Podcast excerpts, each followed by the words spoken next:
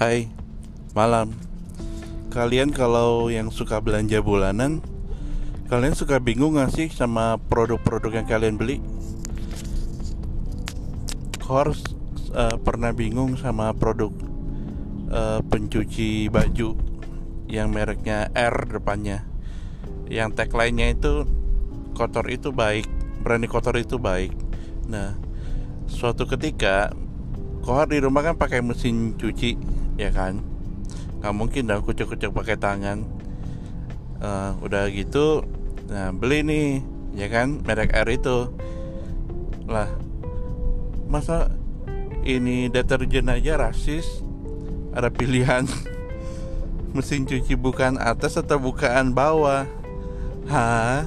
Emang emang bedanya di mana? Sama-sama mesin cuci, ya kan?